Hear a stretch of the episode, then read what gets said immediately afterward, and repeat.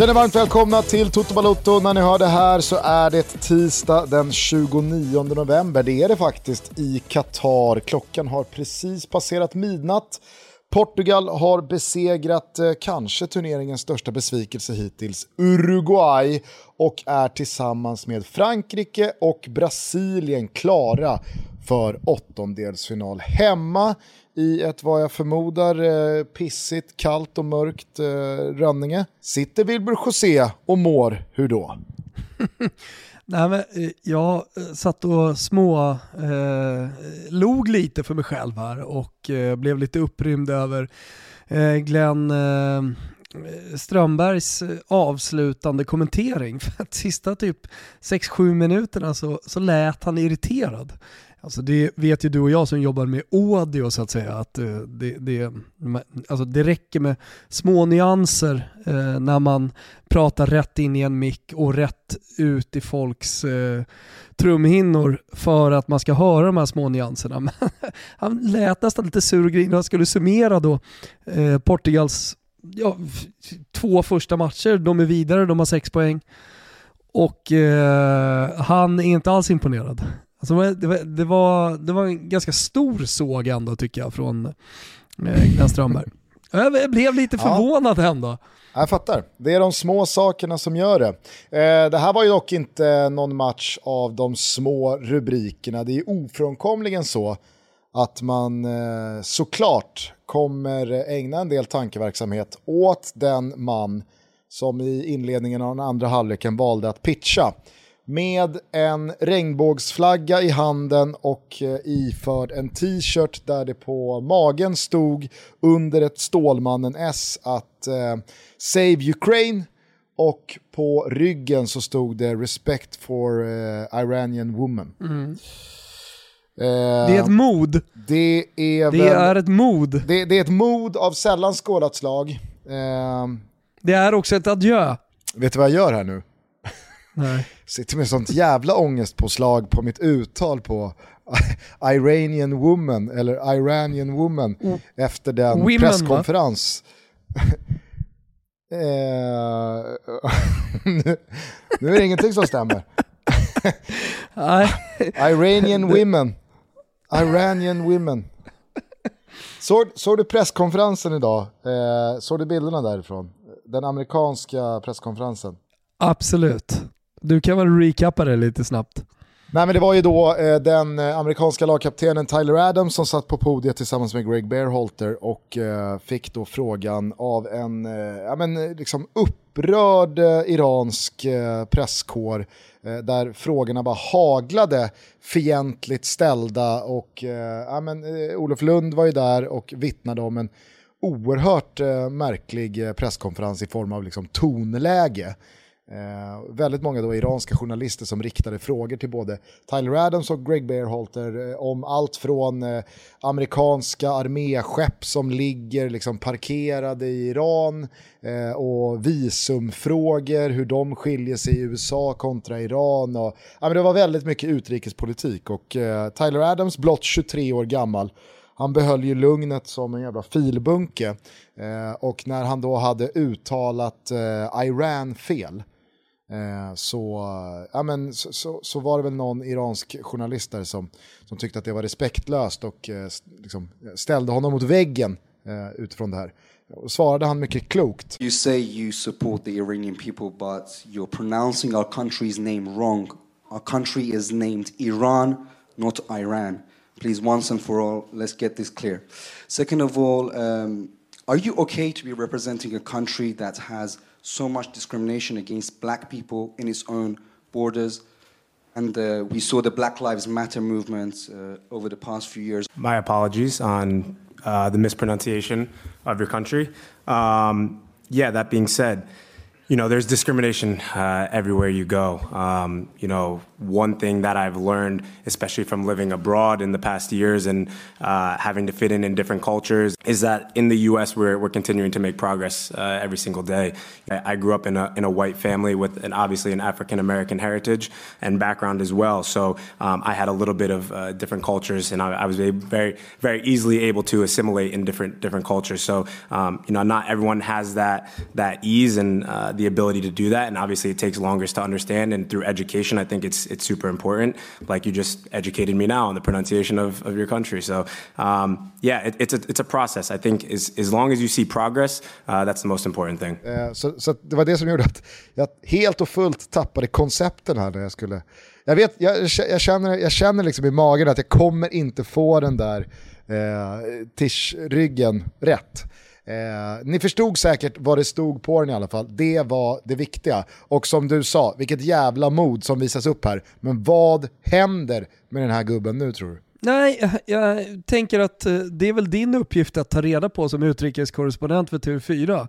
Det är väl bara, eh, har du pratat med någon där nere, Olof Lund eller någon av de andra grävande journalisterna? Alltså det hände ju för 20 minuter sedan. Jo men vad fan, larmklockorna går väl i varenda jävla slackgrupp på TV4 när, när liksom en sån grej händer. Olof kutar väl ut i kallingarna ner på gatan och börjar, börjar gräva. ja, jag, jag, misstänker faktiskt att Lund redan är on the case. Ja. Däremot så kan jag säga så här att... Backe! Ah, på andra sidan väggen. Där är det lite lugnare.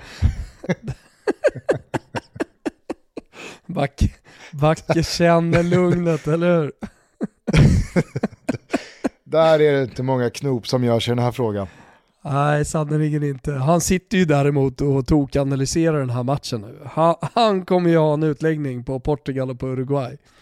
Nej, men det är väl klart att uh, vi ska försöka följa upp det där. Uh, vi lär väl inte vara ensamma på det spåret uh, imorgon. Men det blir ju onekligen intressant, för att det här var ju liksom ja, men en, en protest från en utomstående i stil med ja, men Pussy Riots eh, pitchning där i VM-finalen för fyra år sedan i Ryssland. Men det här är ju på en helt annan spelplan med helt andra insatser. Eh, så att, eh, jag, jag, jag skulle vilja banka ut den största av schnitzlar till den här personens eh, ja, men ballar av stål. Verkligen. Vilket jävla eh, alltså patos man har i bröstet när man för, för det, det, är inte så att den här personen liksom har, har bränt insatserna här. Och han Men, vet ju, alltså, så här, det, det, ingen har väl någonsin liksom kommit undan heller med en pitchning senaste tio åren på den här scenen. Kanske liksom League 2 eller någon ja, superettan-fight ja, eller vad det nu skulle kunna vara. Men på jag, den här nivån. Jag vet inte vad straffen, alltså tillträdesförbud givetvis och, och något slags bötesbelopp, men alltså på vanliga arenor runt om i Europa är väl ett eh, ganska rimligt straff om man, om man pitchar. Eh, jag har sett någon som har lyckats ta sig in, eller flera som har lyckats ta sig tillbaka in i publiken och sen skyddats av sina egna. Dock kanske då fått eh, tillträdesförbud i efterhand. Men i det här fallet, i Qatar, alltså det går väl bara att spekulera om vilka typer av straff de har för det där. Eh, det, det, är väl, det är väl i, i eh, nivå med eh, Singapores, Singapores, Singapores städlagar som de har. Liksom. Spottar du på gatan då är det 12 000 i böter och, och sådär. Vad, vad det gäller de här grejerna, så när det är politik i det, så Ja, det, det, det, man får lite ångest och, och blir lite rädd för, för den här, det var en kille, eller hur? Ja, ja, absolut. Men, men, men, du sa att han hade Superman-tröja. Det var inte Jimmy Jump då? Brukade inte han ha det? Han hade väl det någon gång. Det kanske var liksom en uh, Jimmy Jump-hyllning. Mm. Exakt. Jag vet inte. Ja. Men jag känner ju verkligen i magen att vi, vi kan inte utesluta någonting här i reprimander för den här uh, gubben. Och det säger väl allting om uh, allt som är fel med det här mästerskapet. Hur som helst, eh, den andra gruppspelsomgången är färdigspelad. Som jag sa, tre lag är helt klara för åttondelsrundorna. Det är alltså Frankrike, Brasilien och Portugal. Eh, det är en hel del grupper som tornat upp sig till riktiga jävla getingbon inför avgörandena som börjar rulla senare idag då, eh, kanske framförallt då i grupp B där faktiskt alla lag kan gå vidare. Det är väl högst otroligt att eh, Wales gör det. Men de behöver ju slå England med en jävla massa bollar. Där verkar ju dock Gareth Southgate göra sitt. Jag läste eh, tidigare idag att eh, Jordan Henderson väntas starta på Jude Bellinghams bekostnad och att Garrett Southgate då ska ha Bellingham, eh, Phil Foden, Marcus Rashford och Trent Alexander-Arnold på kvisten. Han är så jävla, han är så jävla fin där Southgate. han, han gör det inte lätt för sig. Nej, det gör han fan inte. Trycker upp de där insatserna. Nej. Ja det gör han sannerligen. Alltså. Jag, sitter, jag, jag har på tvn här eh, i bakgrunden och eh, de håller på att veva de här straffsituationerna nu. Uh, Uruguay fick en straff. Uh, det var ännu en rubrik här från Uruguay-Portugal. Jag menar Porti Portugal fick ju en straff där på slutet som Jonas Eriksson gick stenhårt emot. Och man visar en uh, annan straffsituation, var det med en amerikansk spelare som hände tidigare och att man kan bedöma olika. Men, men han var väldigt tydlig där Jonas Eriksson att det inte var straff.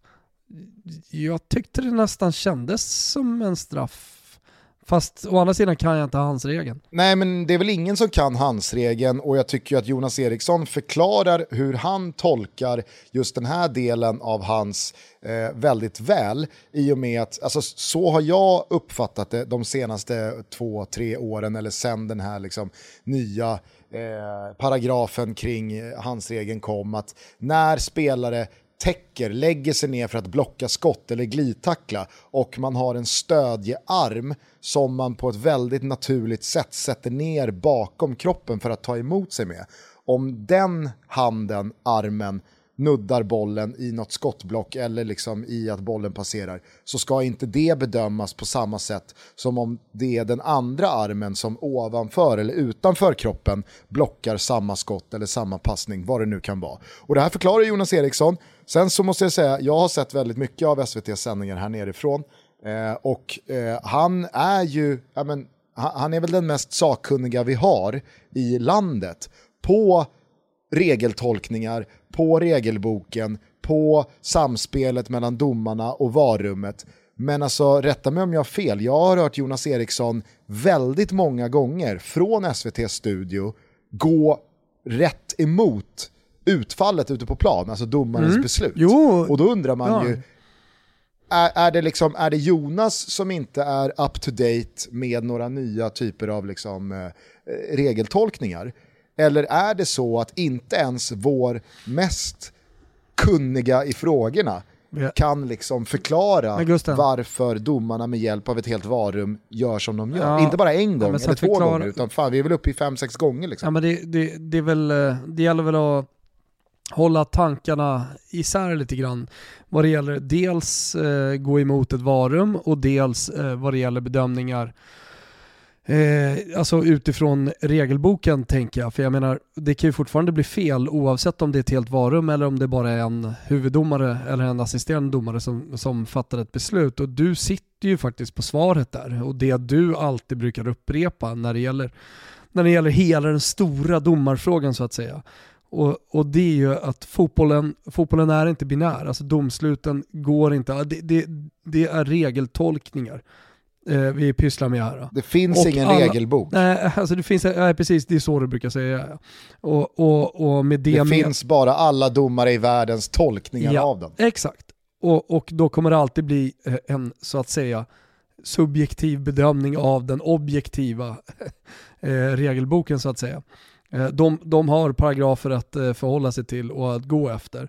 Men det, det, det kommer alltid, precis som i den här handsituationen, vara en bedömning om man, eh, om man håller sig innanför eller om man gör faktiskt ett eh, regel, regelbrott. Och eh, det, det, är väl det, är väl är det, det som är Jonas. så att du ja. kanske behöver introducera subjektivitetstrappan även när det kommer till domslut? Eh, alltså det skulle man ju definitivt kunna göra. Jag menar, du född i Milano och dömer Milan och dessutom visar det, visar det sig att du är stor Milan-supporter. Det är klart att liksom på subjektivitetstrappan vad det gäller domslut så hamnar du högt upp. Om, om det är så vi menar.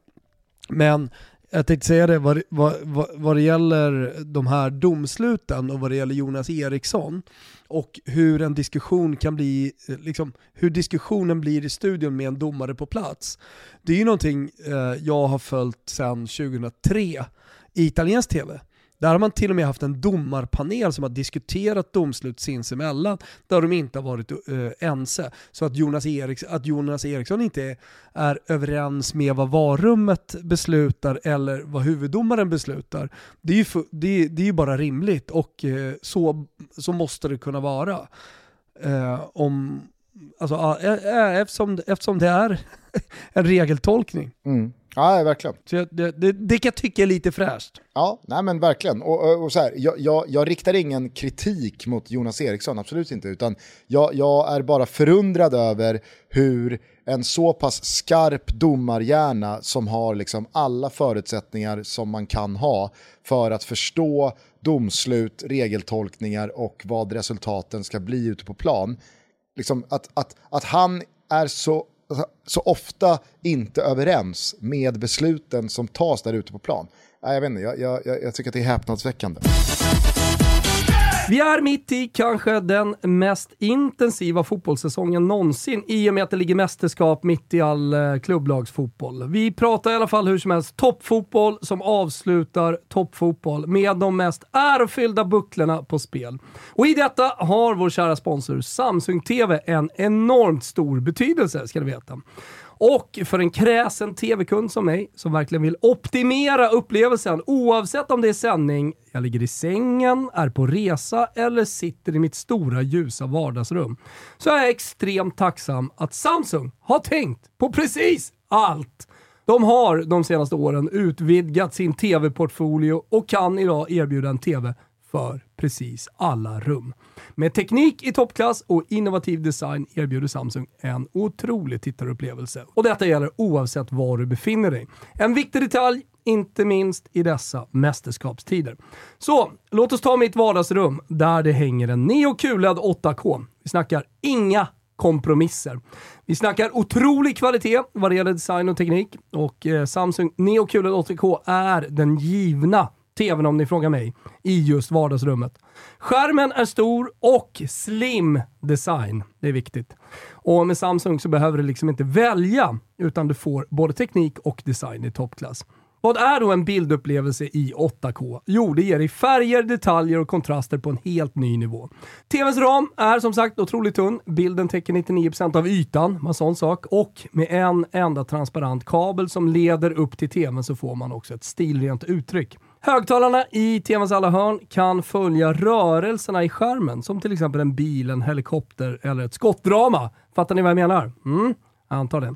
Glöm heller inte bort en Samsung Soundbar. Ja men verkligen. Då får du ju den fulländade tv-upplevelsen. Låter det här intressant för er? Ja, jag tror det. Då går ni in på totobalutto.samsung.se. Say hello to a new era of mental health care. Cerebral is here to help you achieve your mental wellness goals with professional therapy and medication management support. 100% online. You'll experience the all new Cerebral Way, an innovative approach to mental wellness designed around you. You'll get a personalized treatment plan from a therapist, prescriber, or both in a safe and judgment free space. Your cerebral therapist or prescriber will outline a customized plan with clear milestones along the way so you can get to feeling your best. With Cerebral, you're not alone in your mental health journey. We're here to empower you to live a fulfilling life. So take that first step towards a brighter future and sign up today at cerebral.com slash podcast and use code ACasts to get 15% off your first month. Offer only valid on monthly plans. Other exclusions may apply. Offer ends July 31st, 2024. See site for details. Och så kikar ni runt i deras breda tv-utbud och hittar en tv för just dig och det rummet dit du söker en tv. Vi säger stort tack till Samsung som är med och möjliggör Toto Balotto. Vi är sponsrade av Flowlife. Jajamensan, de är tillbaka. Ni kanske minns dem, de har varit med i Toto Balotto många gånger. De som är bäst, tycker vi, på återhämtning och massage. Vi pratar återhämtning och massage i världsklass för alla med deras marknadsledande produkter. De har ju fått en massa utmärkelser i flertalet sådana bäst i testundersökningar, så jag säger det bara. Jag tycker att de är bäst. De har sponsrat flertalet allsvenska fotbollsklubbar under säsongen, bland annat AIK, Djurgården och guldmedaljörerna BK Häcken. Men det är också massage i hemmet. Vare sig man är ute efter optimal återhämtning eller maximal avkoppling. Ja, helt enkelt så passar de lika bra efter ett träningspass som framför tvn i tv-soffan och det kan jag gå i god för eftersom jag har flera av deras produkter och gillar att just ligga i soffan. Köp julklapparna, gör det hos kära fina Flowlife. Ni går in på flowlife.com och det är läge att göra det just nu för det finns en massa finfina deals och erbjudanden. Kör hårt, vi säger stort tack till Flowlife. Gå in på flowlife.com. Toto Balotto görs i samarbete med Sambla, låneförmedlaren ni vet som jämför upp till 40 långivare helt kostnadsfritt. Eller, det kanske ni inte visste? Nu gör ni det i alla fall. Kolla om det finns möjlighet att sänka dina lånekostnader genom att helt kostnadsfritt ansöka på Sambla.se. Ni som har flera dyra lån med höga räntor, ni som jag som har suttit på ett gammalt sänglån eller ett lån inför en resa eller ett lån för en resa. Alla ni som känner att det här, min nuvarande räntesituation alltså, den vill jag banne mig se om jag kan göra något åt. Ja, då borde ni gå in på samla.se och se om deras jämförelse med upp till 40 olika låneinstitut kan hjälpa till. Jag gillar ju den personliga hjälpen och vill man då hellre rikta sig till någon som hjälper en, ja då är det bara att lyfta på luren och slå Samla en pling. De finns endast ett telefonsamtal bort för att hjälpa dig att jämföra och se över lån. Vi säger tack Samla för att ni är med och möjliggör Toto Balotto. Anywho, eh, vi hörde senast eh, i eh, lördags, eh, det var en ganska deppig inledning i alla fall på pappret mellan Tunisien och Australien samt Polen och Saudiarabien som inledde den speldagen. Efter det så besegrade Frankrike Danmark och Argentina Mexiko. Jag tänker att vi kan eh, börja i, eh, i, i de ändarna.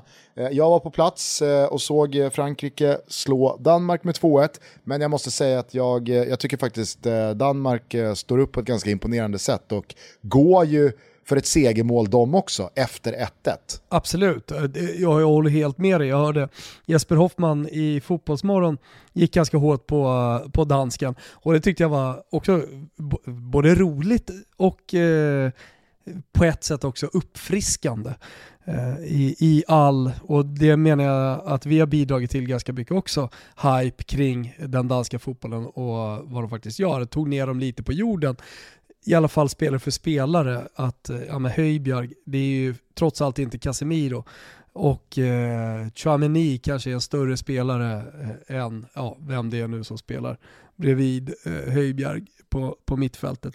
Eh, ja, absolut. Sen så har de ju bara en poäng efter två matcher, men så som gruppen har utvecklat sig så har de ju faktiskt en fullt realistisk möjlighet att lösa det här ändå. Eftersom Frankrike, förmodligen med deras bredd och deras rotationer i den elvan och spelare som vill visa framfötterna och ta sig in i lagen eh, inför slutspelet, kommer göra sitt mot Tunisien, i alla fall ta en poäng. Då har Danmark allting i egna händer mot Australien. Det räcker med att besegra the Socceroos så är Danmark vidare bakom Frankrike. Det ser jag ju som väldigt troligt här inför avgörandet där. Eh, men jag tycker, jag, jag, jag pratade ju med både Andreas Christensen, eh, Kasper Schmeichel och Kasper Jonman eh, efter matchen i flashen. Förstod inte speciellt mycket. Ja, det var kul. Eh, nej, men var det någon som jag förstod hyfsat väl och som jag tyckte liksom gav ett jävligt eh, bra intryck på alla sätt och vis. Och det, det, det, det är inte liksom någon, någon, eh, någon, någon, vidare ny spaning. Det, det har väl han liksom omgärdat med eh, i snacket eh, sen han klev på, liksom, just eh, förbundskapten Hjulman där. Jävla, eh, alltså, så jävla bra, analytisk, så jävla eh, korrekt och rimlig och inga överord och inga liksom klyschor utan så jävla skarp kändes han. Ja, jag håller helt med. Jag, jag, jag, tycker han är så, men det har han väl varit hela tiden. Alltså till och med i det där extremt svåra ögonblicket, inte bara ögonblicket men i hela efterspelet av Christian Eriksen senast, eh, så tar han ju även den situationen så att säga lite på uppstuds men, men eh, som en kung. Ja absolut, men, men det jag tror att jag pratar om här, det är liksom så här, man, man, man fattade verkligen att det här är inte bara liksom en en jävla hyvens människa, det verkar vara en eh, väldigt sympatisk eh, person på alla sätt och vis. Eh, visade liksom, ja men, du, du, vet ju själv hur det är i en mixad zon eller i en flash. Det är, det är, inte direkt så att alla där är jämställda. Det är ju djungens lag och det finns en hierarki som fan är tydligare än alltså, många ställen man kan uppleva som en människa. Jag står ju där och man känner sig liksom som en prostituerad i något slags omvänt förhandlingsläge. Det är jag som går ner i pris för att liksom få till någonting framme vid min mikrofon och framför min kamera. Ja, man, man börjar på en lax och sen så får man ingen och så, då, man, då hör man sig själv, liksom, även fast man står där och bara så här, vilka jävla uppblåsta divalater eh, och, och, och näser i vädret som bara florerar här. Fy fan, kan inte någon bara visa lite jävla respekt och ställa sig här och svara på två frågor? Det är ett jobb, det är vi som betalar hela den här cirkusen. Ge mig någonting! Och så hör man sig själv. Alltså jag, jag, behö, jag, jag, jag behöver inte Christian Eriksen eller Hugo Lloris. Ge mig någon bara. någon som pratar engelska. Ja. Till slut är man ju nere på en 300. Ja, såklart. jag kan ta, jag kan ta, ha Deschamps någon jävla ass eller något som pratar uh. engelska. Vem som helst. Nej, men jag, jag, skulle bara säga det kring då Jordman, att eh, han, han, han eh, jag, jag, tycker att han, han verkligen bevisar sig som matchcoach i hur han liksom kan analysera flödet av matchen, vad som händer vid 1-0, vad som händer vid 1-1, hur han resonerar, hur han tänker med byten, hur han tänker med balansen, hur han går för det. Och det ställs ju liksom i bjärt kontrast till då Pixi Stojkovic jävla stroke idag som serbisk matchcoach. När Serbien håller på att sjabbla bort en 3-1-ledning mot Kamerun till förlust. Jag har aldrig sett, ett, eh, jag har aldrig sett en sämre matchcoachning tror jag. Nej, och eh, om du tänker tillbaka på matchen och när Serbien gör sitt 3-1 mål, Alltså det, det, det, är en, det är en ruskig ja. nedstängning av en match. Alltså sett till hur matchbilden har varit fram till det 3-1 målet, sett också faktiskt till hur det 3-1 målet görs. Som av en händelse rullar det i mm. repris i detta nu.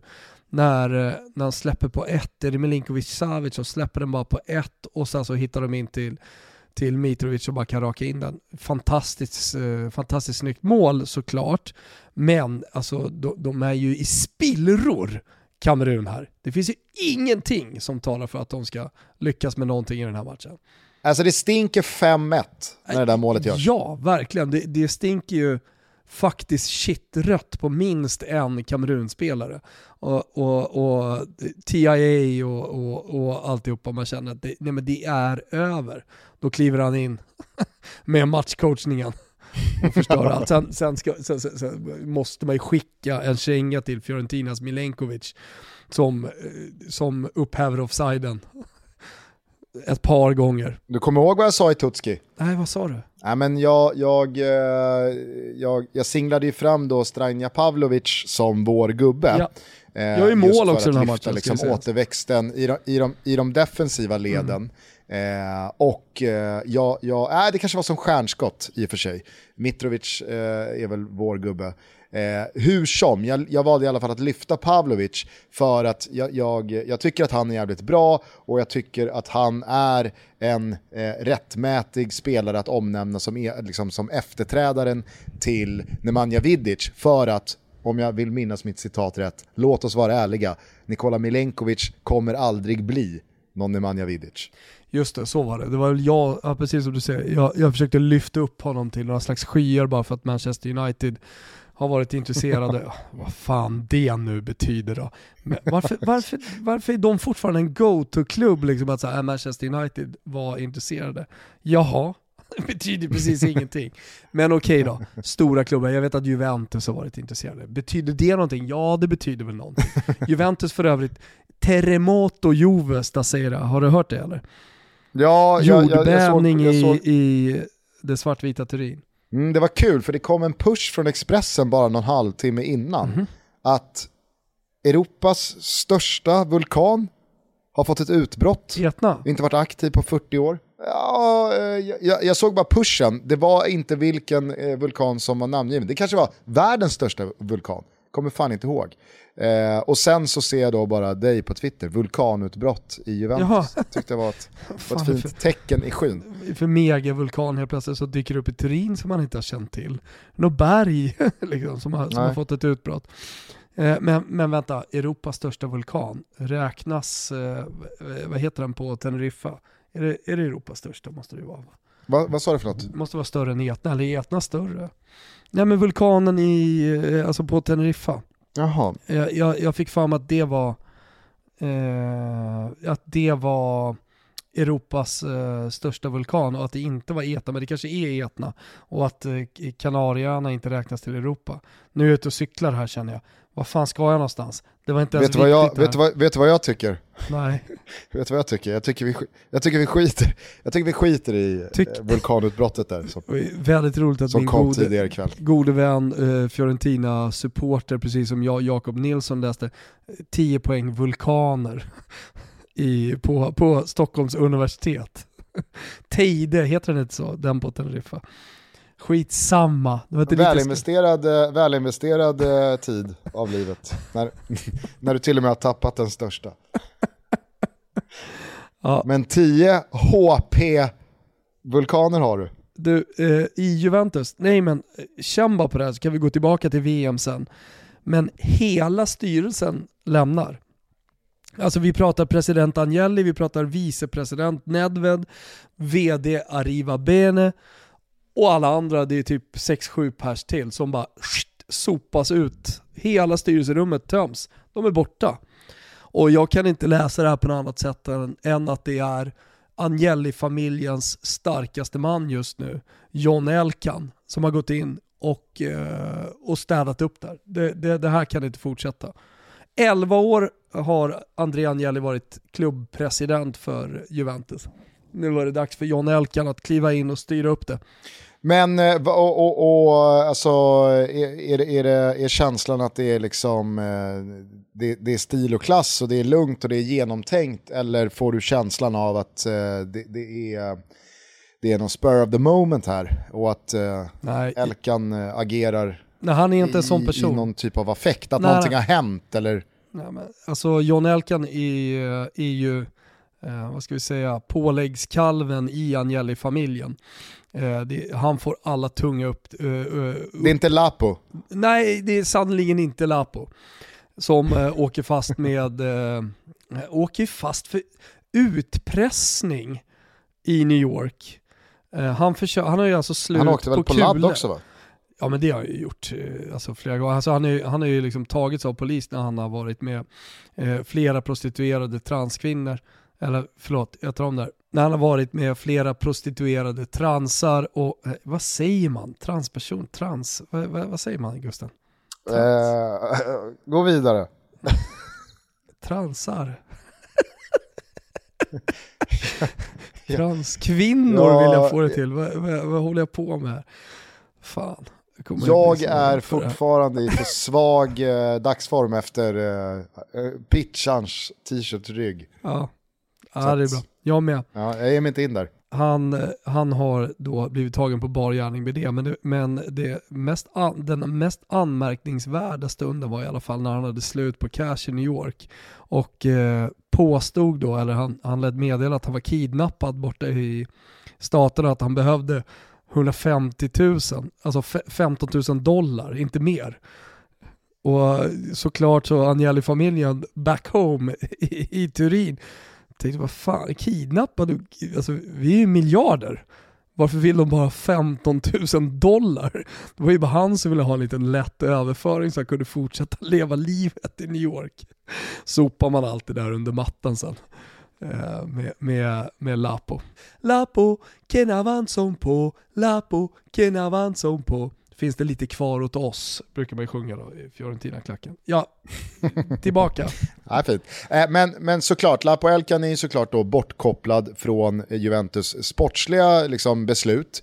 Men du, du nämner här då John Elkan som eh, Agnelli-familjens starka vad är, vad är hans liksom, titel? För att Nej, men- André Agnelli var ju trots allt president. Nej men eh, John Elkan tror jag inte haft med Juventus att göra nu på slutet. Han har haft mycket med, med Ferrari att göra. Uppgifterna kommer från La Gazzetta dello Sport och eh, i, i de här uppgifterna då så säger man att John Elkan, alltså CEO för Exor som är holdingbolaget som kontrollerar hela Juventus eh, företagsimperium. Eh, han ska sätta sig vid ett podie och eh, offentliggöra de här uppgifterna som Gazzetta dello Sport har. Men vi får se att det är högst troligt att det är så här och att eh, Agnelli-familjens numero uno kliver in och, eh, och, och, och mer eller mindre tar kontroll över klubben. Alltså han, jag, jag är ganska säker på att han, han, har, eh, han, han, har varit väldigt missnöjd med hur saker och ting har skötts eh, de senaste fem åren. Mm. Ja, nej men eh, då, då, tycker jag, eftersom vi trots allt är mitt i ett VM, att vi stannar där. Eh, de som vill fortsätta följa det här via någon eh, form av Toto Balutto-rapportering hänvisar vi till din Twitter de kommande dagarna. Vi hoppas på att det här innebär att Lapoelkan välkomnas tillbaka in i värmen. och vi utgår från att Max Allegri fortfarande är Juventus-tränare. Han ska naturligtvis ingenstans. Exakt så.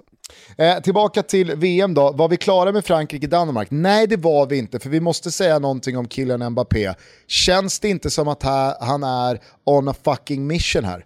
Det ska stämmas i bäcken. Han är, han är på ett mission eh, och han har ju redan vunnit allt och han är så jävla stor och sådär. Men jag, jag har Erik Nivas ord som ekar eh, i min skalle. Eh, du kommer ihåg för ett antal år sedan när han satt Eh, i Toto Balotto och kollade i sin spåkula och sa att äh, men det finns en, en person som är redo att liksom, ta stafettpinnen lite efter Messi och Ronaldo och på något sätt eh, vara den, eh, den givna Ballon d'Or-vinnaren under väldigt många år framöver. Och det var Mbappé. Sen kan jag tycka att i något läge när allt jidder var med PSG och ska gå till Real Madrid och han skulle ha så jävla hög lön och han skulle vara med och styra i PSG och sådär. Kan jag tycka att han tappade lite av, eller jag tappade i alla fall eh, lite av, eh, jag ska inte säga, jag har inte haft någon kärlek till honom men, men eh, någonting eh, försvann liksom, i, i hela den soppan som, som har varit Mbappé. Han har ju varit väldigt svårälskad senaste två åren. Ja men det tycker jag faktiskt att han har varit och, och då ska du ju säga att han var väldigt lättälskad innan. Med, med liksom bilderna från pojkrummet, hans idoliserande av, eh, vem var det som han hade som stor idol? Ronaldo. Ja, Ronaldo, exakt. Eh, liksom det idoliserande. Han var, han var som en liten pojke som älskade att spela fotboll. Och det, det var väl det man älskade då. Say hello to a new era of mental health care. Cerebral is here to help you achieve your mental wellness goals with professional therapy and medication management support. 100% online. You'll experience the all new Cerebral Way, an innovative approach to mental wellness designed around you. You'll get a personalized treatment plan from a therapist, prescriber, or both in a safe and judgment free space. Your cerebral therapist or prescriber will outline a customized plan with clear milestones along the way so you can get to feeling your best. With Cerebral, you're not alone in your mental health journey. We're here to empower you to live a fulfilling life. So take that first step towards a brighter future and sign up today at cerebral.com slash podcast and use code ACasts to get 15% off your first month. Offer only valid on monthly plans. Other exclusions may apply. Offer ends July 31st, 2024. See site for details. Och att han gjorde det så fantastiskt bra. Men det är som du säger, det, nu, han är på ett mission. Jag tycker bra uttryckt.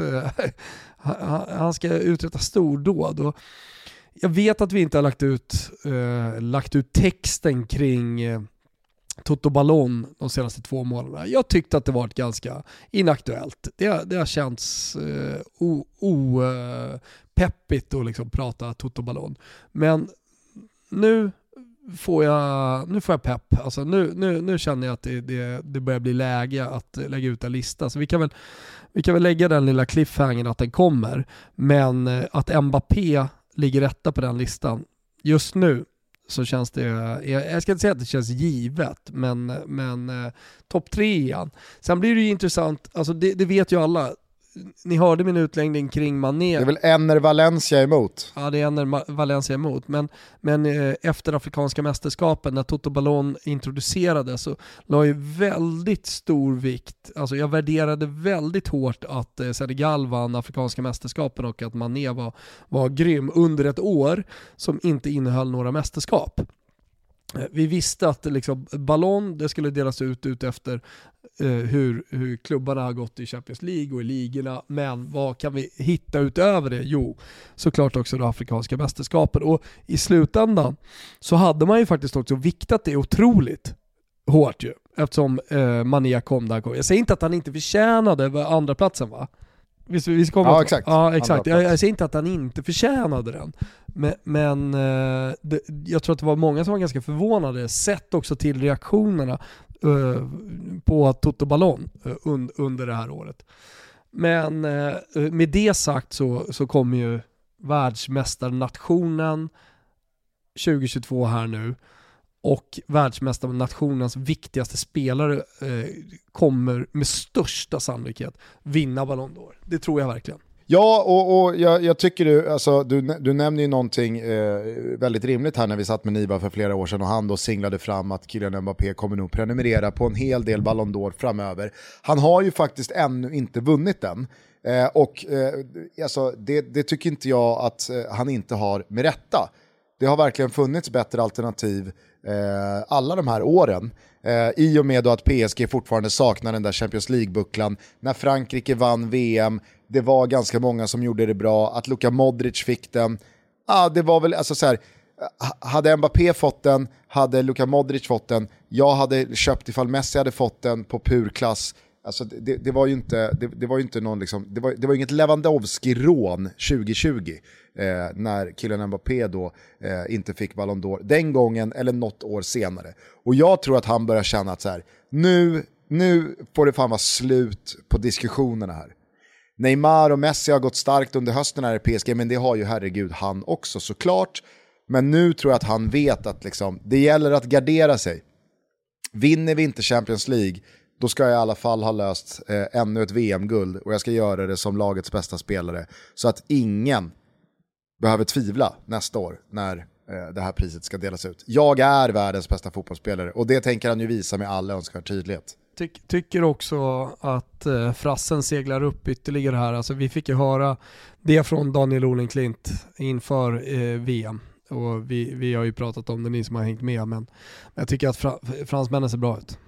Sen är det väl lite så, det tycker jag att man, liksom så här, det, det, tycker jag man fick en påminnelse eh, om eh, tidigare idag, när Brasilien gick ut utan Neymar mot Schweiz. Alltså, en spelare betyder otroligt mycket för vissa lag.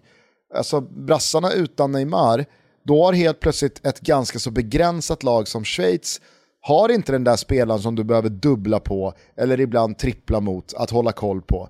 Då kan alla ligga i sina block, alla kan ligga i sina ytor, alla kan hålla koll på sin spelare och det finns inte den där liksom givna utgångspunkten som drar på sig all den här uppmärksamheten och bevakningen, vilket gör att ytorna öppnar sig för Vinicius Junior och för Rafinha och för eh, Richarlison och allt vad de heter. Utan då, då, det var ganska lätt att försvara mot ett Brasilien som ändå har, liksom, de har tre poäng i ryggen från premiären, de är tekniskt överlägsna Schweiz, de ska kunna, liksom, tycker jag, på ett helt annat sätt än vad de gjorde första 75 minuterna, eh, spela ut och, och, trycka på för ett ledningsmål. Men det saknas idéer, det saknas konstruktivitet, det saknas en spelare som, men liksom, här, ge mig bollen. Jag vill ha den, jag gör det oväntade, jag bryter linjerna, jag gör min gubbe. Alltså, när den spelaren saknas, ja, då är ju det där laget något, något helt annat. Det enda jag vill säga med det är ju att vad, vad, hur, hur, skulle vi, hur skulle vi se Frankrike om eh, Mbappé skulle skada sig? Alltså, det, det nu, nu tillhör han ju Frankrike, absolut, absolut. men... Alltså trots att det finns så många olika alternativ. De har på så många skador att jag vet inte hur, jag vet inte hur många de eh, klarar till. Alltså. Nej, absolut inte. Men, men det är ju den där yttersta spetsen. Alltså de bästa spelarna i världen. De, alltså, de är outbytbara. Verkligen, och herregud, nu är det ju så att killen Mbappé tillhör Frankrike och han är inte skadad, så att det jag pratar om är ju hypotetiskt. Men jag tycker man ska komma ihåg att Pogba är out, eh, Kanté är out, Eh, Lucas Hernandez är out, Benzema är out. Eh, jag menar, så jävla vast tycker inte jag Frankrikes mittfält ser ut. Och plocka bort Mbappé ur, eh, ur ekvationen. Eh, ha, har eh, Griezmann och Kingsley Coman och Ousmane Dembélé och Giroud som någonstans är liksom, det, det är han som ska förvalta eh, och, och, leverera en slutprodukt av andra spelares eh, serveringar. Men äh, det, det, det jag bara vill säga är att jag tycker att Kylian Mbappé har varit den stora, stora skillnaden på ett Frankrike som verkligen ser ut eh, som en guldkandidat och kanske det bästa laget hittills i turneringen och ett lag som ja, men kanske snarare eh, liksom in, inte, inte skriker guld. Eh, vi kan kasta oss emellan lite, men jag ser nu också kaoset. Det missade jag nämligen där och då, för jag var tvungen att åka från eh, kontoret där jag satt och kollade på eh, Sydkorea mot Senegal. Det, det, det utbröt ett otroligt kaos efter matchen ser jag, med röda kort som slängdes. Och... Ja, Paolo Bento, Sydkoreas portugisiske förbundskapten, han fick rött. Han tappade det på domaren för att en han hörna... Han tappade fullständigt jag. Ja, ja visst, visst. Och det, och det där förstår jag faktiskt inte, alltså så här, det, det, det, var väl ganska länge sedan man lärde sig att bara för att det har blivit hörna så har liksom eh, inte lag rättigheten att få slå hörnan. Tilläggstid är tilläggstid. Har då den tilläggstiden jag passerat? Lever lite, jag lever lite med att hörnan måste få slås ändå. alltså jag skiter lite i vad regeln säger Gusten. Hörnan ja. jo, här... ska fan i mig få slås. Hörnan liksom tillkommer ju också en minut efter utsatt tilläggstid. Så att det, det är också så Men, uh, Men det ja. spelar ingen roll för mig. För lilla mig spelar ingen roll. Nej, jag fattar. Nej, det, det är väl klart att det är många hundar som har svårt att sätta sig ner kring, eh, kring, kring de där förändringarna. Eh, men eh, topplocket flög i alla fall och det var ju en otrolig start på den här dagen när det kommer till liksom underhållande svängiga matcher. Inte bara då Kamerun-Serbien där Pixie fick en stroke, hoppas eh, det går bra med honom. Eh, utan även då dagens andra match eh, mellan eh, Ghana och Sydkorea. Där Mohamed Kudus, för de som har missat honom, Sa jag fortsatte. Senegal och Sydkorea förresten? Jag vet inte. Jag fattade, jag fattade att du var så exalterad eh, kring Paolo Bentos eh, blödning. Att, eh, ja. Ja. Jag, jag, ja. jag lyssnade inte så noga. Nej, men eh, för de som mot, mot all förmodan har missat då Mohamed Kudus framfart i Ajax den här Champions League-hösten eh, så presenterade han sig på den stora VM-scenen här med två mål i segern mot Sydkorea. Eh, och jag tycker faktiskt att eh, Ghana, eh, Ghana förtjänar en, en liten jävla eh, ros för eh, sina insatser offensivt. Eh, där, där kan vi ju verkligen ja, snacka... Moral också. Ja men moral, men också ett lag som vet att, ja men vad fan, ska vi, ska vi åka till den här turneringen och, och ställa tio gubbar på egen planhalva och riskminimera och försvara vår, vår box och hålla nollan och liksom gneta oss till kryss? Eller ska vi trycka på framåt? För där har vi ett par riktigt, riktigt jävla bra spelare. Och så ser vi vad två mål räcker till. Va, gubbar? Ska vi inte bara, ska vi inte bara göra så? Mm. Det är så jävla skön inställning tycker jag. Toto Balotto är sponsrade av Champion. Nu vet ni vid det här laget att de grundades 1919 i Rochester i staten New York och att de kom på hoodien på 30-talet för att NFL och MLB-spelare på Sideland skulle kunna skydda sig mot väder och vind. Och det gör vi ju än idag! Deras ikonprodukt Reverse Weave, det var ett sätt att förändra konstruktionen på bomullsplagg och man har en patent på detta sedan 1952. Det gör ju så att eh, passformen liksom håller. Den krymper inte. Det är otroliga plagg. Det ska ni såklart handla antingen i flaggskeppsbutiken på Hamngatan 30 i Stockholm eller på championstore.com. Och då ska ni använda koden TOTO25 i kassan oavsett om det är butik eller på nätet. Då får ni nämligen 25% på hela sortimentet. Detta är exklusivt! Så det gäller att hänga med och det gäller att göra det nu. Detta kommer inte vara för alltid. 25% alltså. Gå till Hamngatan 30 i flaggskeppsbutiken mittemot Gallerian eller championstore.com. Vi säger stort tack till Champion som är med och möjliggör Toto Balotto. Toto Balotto är sponsrade av Tre och vi tycker gemensamt att det här samarbetet är väldigt trevligt. Och de gillar ju att spegla oss i oss eh, som är riktiga Tre-kunder och det blir både trovärdigt och ärligt. tre vill helt enkelt att det ska vara trevligt. Och eh, eftersom vi är trevliga och de är trevliga så vill vi bjussa på någonting i den här spotten som vi gillar extra mycket. Och jag har valt ut ett avsnitt ur Never Forget. En del av den eh, som kan vara lite så här härlig lyssning mitt i Toto Balotto. För i en värld som så smått börjat återgå till det normala efter andra världskriget skulle det 1950 spelas det fjärde världsmästerskapet i fotboll. Och under en stekande månad i Brasilien skulle Kalle Svensson bli Rio-Kalle i Sao Paulo, hemmanationen chockas djupt och England få en första smak av många kommande mästerskapsdebacle. Vi ska nu berätta historien om det lite bortglömda VM 1950. Ja, den här spotten handlade inte så mycket om Tres produkter, men det var trevligt att vi i flexibilitetens tecken fick göra precis som vi ville. Tack Tre! Vi sponsrade av den digitala marknadsföringsbyrån Grit. Grit har genomgått en transformation de senaste två åren där man har renodlat organisationen för att bli den norrländska utmanaren när det gäller strategi, analys och digital och digitala medieköp. Jajamensan. Byråklimatet idag har gått mot att alla ska göra allt. Ni vet, det är allt ifrån att bygga hemsidor till Google-annonsering och sen så är man givetvis också bäst på att göra film och sociala medier. Allt ska man vara bäst på. Kan man vara bäst på allt? Det svaret vet ni redan. Grit tillför värde genom analys, insikt och plattformsexpertis. Och där är man riktigt jävla grymma. Jag säger så här. Grit är helt enkelt marknadschefens bästa vän. De springer på de bollar som ni inte har tid med och jobbar hårt och långsiktigt för att ni tillsammans ska kunna nå era mål. Kontakta Andreas eller Jakob, mina två fina polare, på www.gritmedia.se för bättre marknadsföring. Idag! Vill du säga någonting om eh, Argentinas eh, krampaktiga seger mot Mexiko, där Lionel Messi till slut eh, blev den stora skillnaden? Nej, men att den var just krampaktig.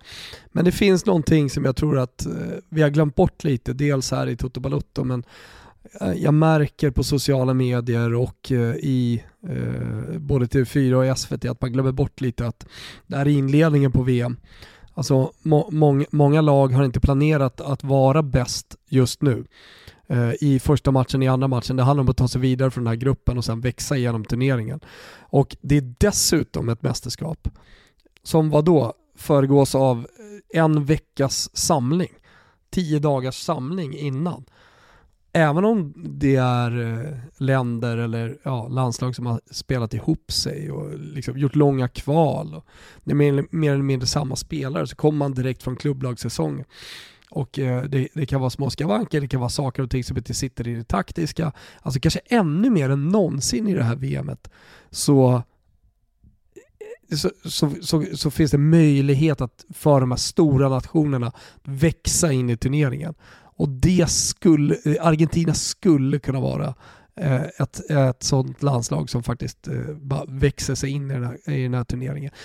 Lik, lika egentligen, eller samma resonemang kring Brasilien, att de bara, amen, kanske inte har spelat någon drömfotboll utan Neymar och, och sådär. Han kan ju mycket väl komma tillbaka in i den här turneringen också och kunna spela, det vet vi ju inte. Och eh, jag menar så här, två segrar räcker väl gott.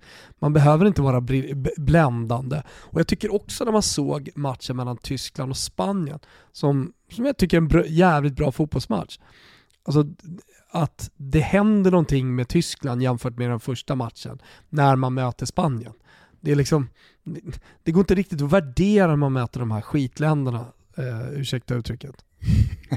Nej, absolut. Nej, men jag, jag, jag, tycker att du, du, du uh, sätter fingret på något klokt här. Att det är väl klart att Argentina uh, och deras två första insatser här följer ju någon slags lathund i hur det brukar se ut för lag som till slut går och vinner finalen och lyfter bucklan. Det är ju sällan Lex Spanien 7-0 och klapp-klapp från start. Och så kan bara till och med liksom vara bra, vet du. Och, och, och, det kan till och med vara bra att få ett kryss i premiären, Ja, ja, ja att det är lite krampaktigt och sen så är det lite kniven mot strupen mot ett riktigt bra, eller riktigt bra, mot ett bra landslag som Polen. Och för Tyskland för den delen också. Ja, nej men sen så tycker jag ju att du, du verkligen sätter huvudet på spiken med att det är ju motståndet och det är liksom crunch time. Det är, det är ju där man liksom kan, kan skilja agnarna från vetet. Att, att gå ifrån mot ett Costa Rica och spela ut i andra halvlek och så rullar bollarna in och det är någon stolpe in här och det är något försvarsmisstag där och man kanske får någon straff och oj oj oj vad det går och så gör man några mål och så är det liksom, fan de vann med 7-0, de ser hur bra som helst ut. Kontra när man gör det mot, och, och, eh, herregud, jag säger inte att Spanien liksom så här, eh, på något sätt eh, var någon eh, bluff eller att de inte gjorde en 5 plus-insats sett till vad de hade för uppgift. Det är klart att de gjorde det, men det är ju mot de riktigt tunga lagen när det verkligen gäller. Det är ju då insatserna vittnar om att är det här ett lag eh, som faktiskt kan få ihop det och skaka fram ett avancemang och väl där så har man liksom skruvat och vänt och vridit och kanske fått tillbaka någon spelare eller kanske fått någon spelare i slag. Det är då man kan få ihop det och det är då det kan gå långt. Där, liksom så här, kolla på Uruguay. Alltså de hade ju, de hade ju crunch time direkt mot en, liksom, nu är väl inte Sydkorea något, något, något världslag, men det är ju en tight och jämn grupp så att Uruguay visste ju från, från första början att det här är en match som som vi nog behöver vinna för det är tuffa motstånd i, i de återstående två matcherna. Man går ut och gör en riktigt blek, trög pissinsats. Ja, ännu mer kniv mot strupen här idag mot Portugal, när man kan hamna i ett, ett uselt läge vid förlust. Och vad gör man? Visst, man har Bentancours läge när han eh, med en tvåfotare tar sig igenom två försvarare och har ett friläge. Men utöver det så är det ju liksom, det, det, det är en icke-insats till dess att det är tio minuter kvar och man ligger under. Igen. Så där känner man ju verkligen att det här går inte att få ihop. Men som du då nämner Tyskland som exempel. Att resa sig från den här förlusten mot Japan och sen göra en sån insats mot Spanien. Ja, det, det, var liksom, det var inte så att Tyskland eh, var, var välförtjänta av en 3-0-seger. Men jag tycker att man visar ju att alltså, man får bett i pressen och man tar eh, metrarna och man får tillbaka Leroy Sané. Och, fyllekrogen eh, dyker upp som gubben i lådan och bombar in den i krysset. Och helt plötsligt så börjar man liksom vrida och vända på den där tabellen och känna att det är klart Tyskland kommer gå vidare och naturligtvis blir ett lag som ingen vill möta i slutspelet. Det är också ett mål, om man inte har sett eh, Fyllkrog innan, man ser bara hans ålder, hans namn, och eh, lite hans bakgrund. Att eh, han kallas för Gluggen för han har en glugg mellan tänderna. Såg också att Werder Bremen, Werder Bremen presenterade honom med, med, en osmaklig bild på just hans leende i ja, så mycket close-up man, man, man, man, kan få. Eh, och annan info, det är precis ett sånt mål man förväntar sig att just Fyllkrog ska göra. Också ett viktigt mål. Hade man inte förväntat sig att han skulle komma in och göra ett sånt viktigt mål när han bara liksom mörsar in bollen? Det enda som är synd, och alltså det enda som inte lirar med fyllekrogen, det är att han, har, att, han, att han har nian på ryggen. Ja, jag håller med. Han ska ju ha, liksom, han ska ha 24. Ja, precis. Eller 15. 15 är, ett väldigt deppigt nummer inom fotbollen. det är ett väldigt oklart nummer. Ja. jag kan inte komma på någon, alltså, någon Ingen vill 15. ha 15. Ja, men så till och med 17 har ju någonting med Kevin De Bruyne. Alltså alla nummer har ju någonting. Men 15, det har fan ingenting. 15 nu, har nu, ingenting. 15, nu kommer, ju någon, nu kommer ju någon berätta för mig vilka stora spelare som finns som har haft nummer 15. Men äh, ja. Jag vill fråga dig några korta frågor bara angående några matcher som vi inte har berört. Hur imponerad är du av Marocko? Eller är det så att Belgien helt enkelt är för kassa? Nej, lika imponerad som jag var, eller, som jag var inför, men, men eh, det, var ju, det var ju lite av en outsider. Det, det sa ju i Tutski Balutski också, när, när, det var ju jag som gjorde Marocko att eh, när man går tillbaka till deras resa fram till det här mästerskapet och vilka spelare som finns i det laget så, så eh, amen, var, var, det definitivt inte ett lag som man skulle räkna bort eh, och, och de, de, hade i det här mästerskapet för att gö- eh, de, de var i det här mästerskapet för att göra någonting. Så att eh, jag, jag var inte, jag, jag var definitivt inte överraskad och plus då, eh, alltså det pratade vi om i Tutski också, blir det lite eh, löjligt att vi håller på och refererar till vår, eh, vår egen VM-podd som vi precis har gjort. Men, men vi pratar ju ändå om förväntningar inför och förväntningar inför den här matchen. Förväntningar inför VM och förväntningar inför den här matchen. Och eh, jag, jag, det, det, jag är inte förvånad att det ser ut som det gör. Sen är jag ju lite förvånad över att Kevin De Bruyne kanske inte har varit bättre. Det är väl det. Nej, å andra sidan så har ju faktiskt eh, de flesta spelarna i Belgien, eh, om inte alla, eh, presterat på en oerhört låg nivå och det verkar ju vara riktigt mycket slitningar i eh, den där truppen. Vi alla vet att eh, Kevin De Bruyne och Thibaut Courtois inte är bästa polare. Eh, tydligen så har det skurit sig här mellan Eden Hazard och eh, Leandro Trossard. Dessutom så verkar det som att eh, Batshuayi och Lukaku hatar varandra. De Bruyne pratar öppet om att vi är för gamla. Eh, alltså det, det är... Det, det, verkar ju vara ett landslag som på alla sätt och vis... Ja, på ett sätt som inte bara drar ner förväntningarna, utan det, det, det känns nästan lite oskönt. Ja, verkligen. När, när han pratar om det. Exakt. Mm.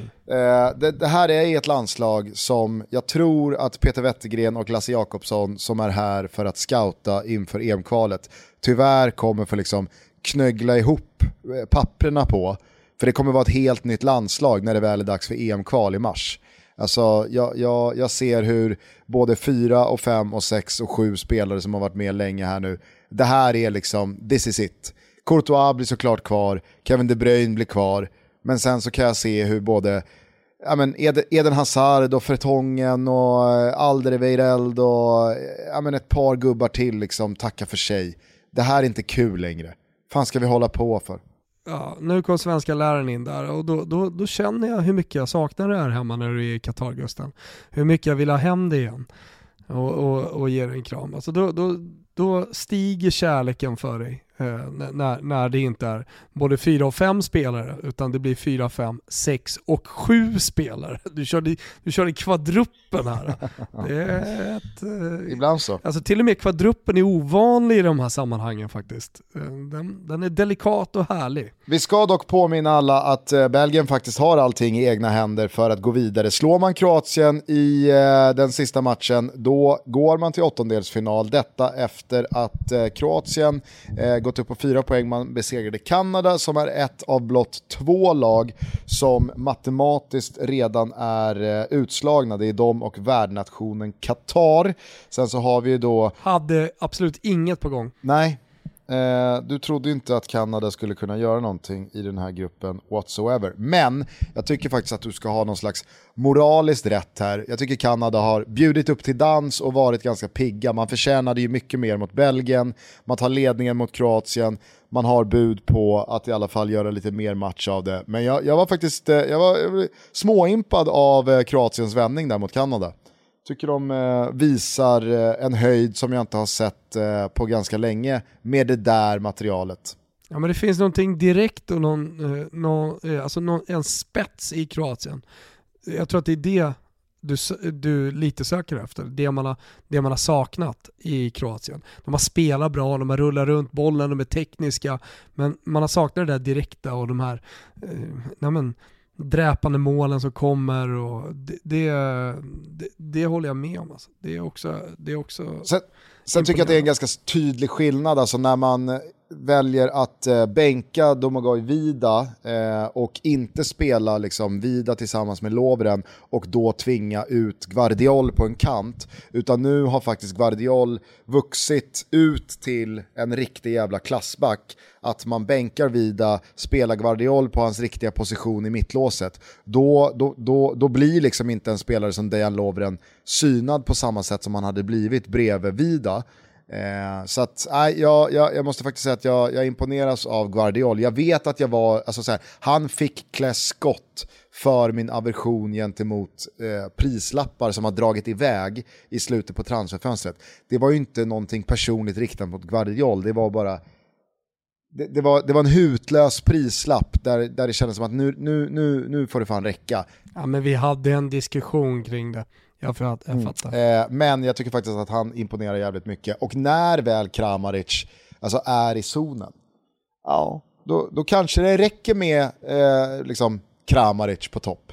Man kanske inte behöver eh, Mbappé, eller Benzema, eller Giroud. Kanada och Qatar alltså definitivt out. I teorin så är också Wales samt Tunisien mer eller mindre borta. Det kommer inte gå för de två lagen, det vågar jag ta gift på. I övrigt är fan det jävligt öppet inför den tredje omgången som börjar rulla igång då ikväll tisdag med avgöranden i dagarna fyra. Alltså, jag, jag skulle vilja uppmana alla att passa på och faktiskt eh, njuta av de här sista gruppspelsdagarna av fotbollsturneringen som faktiskt bedrivs här. Jag, jag, jag, tycker att det är viktigt att separera fotbollen från det övriga i detta världsmästerskap. Men kom ihåg att när gruppspelsfasen är över, då är det lite som att, jaha, nu då? Är det bara, nu är det bara några matcher kvar. Nej, men det, det är klart att eh, spänningen stiger för oss eh, fotbollsälskare då. På lördag då kör vi faktiskt åttondelsfinaler i Toto Live, Gusten. Just det. Eh, jag förstod det som att det var en väldigt eh, trevlig eh, helg ni hade där, eller lördag ni hade. Ja, men det, det, var mycket trevligt. Tack till alla som kom och hoppas att det kommer jättemycket folk på, på lördag igen. Det var ju ett Eh, en premiär, alltså en test av väldigt mycket. Alltså vad kan vi göra på scen och hur mycket vill man ha och sådär. Men jag tycker att eh, vi hade hittat ett bra upplägg och ska skruva lite extra här nu inför, inför lördag. Så har vi fyra tillfällen kvar.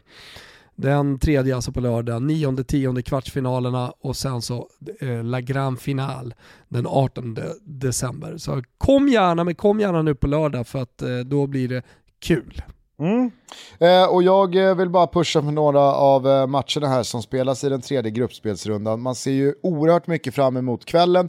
Dels då med den superladdade matchen eh, Iran mot USA, givetvis också England-Wales. Men glöm för guds skull inte Ecuador-Senegal. Jävla fight det kan bli i eftermiddag.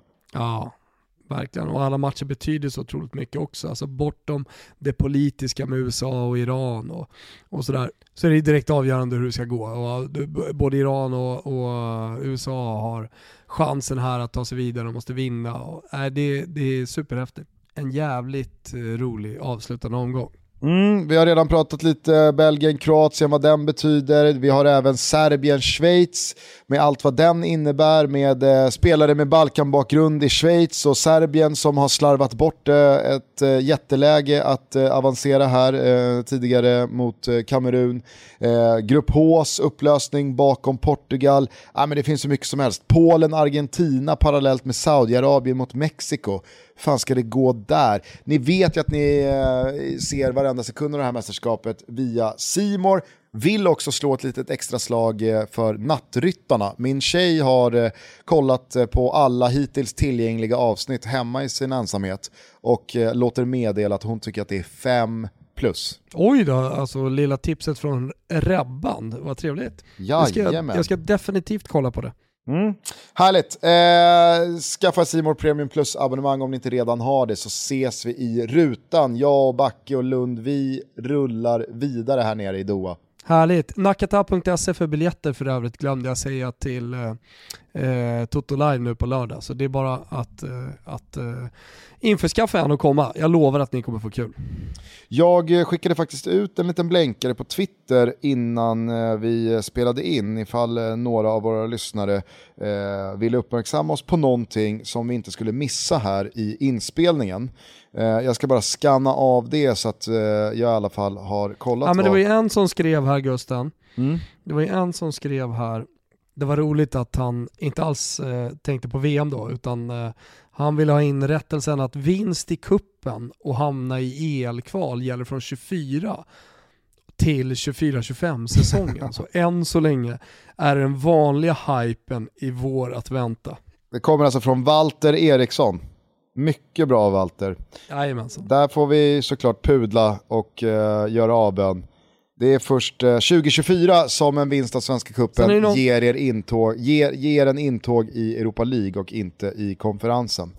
Uh, jag tycker också att Johan Kronvall eh, påminner oss om kanske dagens största rubrik ändå, eh, rent sportsligt. Att eh, Inters eh, målvakt André Onana, första slips i Kamerun och inte bara det, utan en av lagets absolut bästa spelare, alltså lämnade turneringen tidigare idag, detta efter en dispyt med förbundskapten Rigobert Song, som uppmanade Onana att sluta eh, nitiskt rulla ut bollen och spela med så hög risk runt eget straffområde. Han ville helt enkelt att Onana skulle skyffla iväg den upp på offensiv planhalva med pisset bara.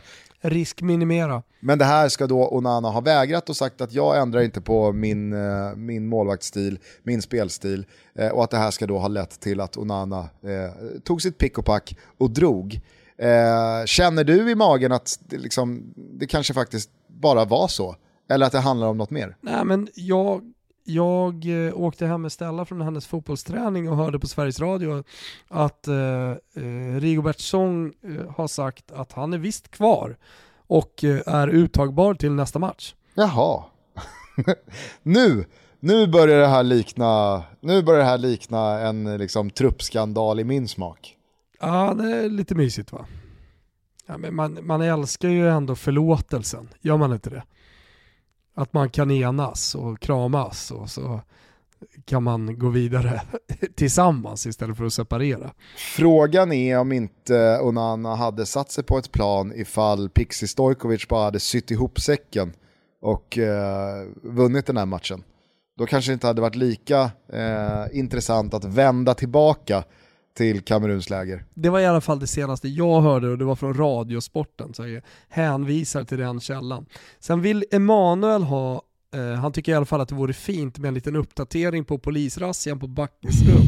Har det hänt något mer? Har det smugit runt folk på Backes rum något mer? Nej, jag har inte sett några fler snutar i uh, Backes rum. Uh, han lever och frodas. Uh, han uh, ångar faktiskt på jävligt bra i gymmet. Uh, så att, nej, hittills så, så, så, verkar allt lugnt, men uh, Kul ni verkar ha. Det är väl först, uh, det är väl först när vi ska lämna landet som det visar sig vad, vad ordningsmakten har kokat ihop med, med Backes pass och liknande. Vi får se. Vi får se, jag tycker också att det var roligt. Ture, han uppmärksammade oss på Chris Härenstam, SVTs kommentator, när han ska, han pratar om Daraskaeta. Där står De Arrascaeta. Det var kul. Det var kul.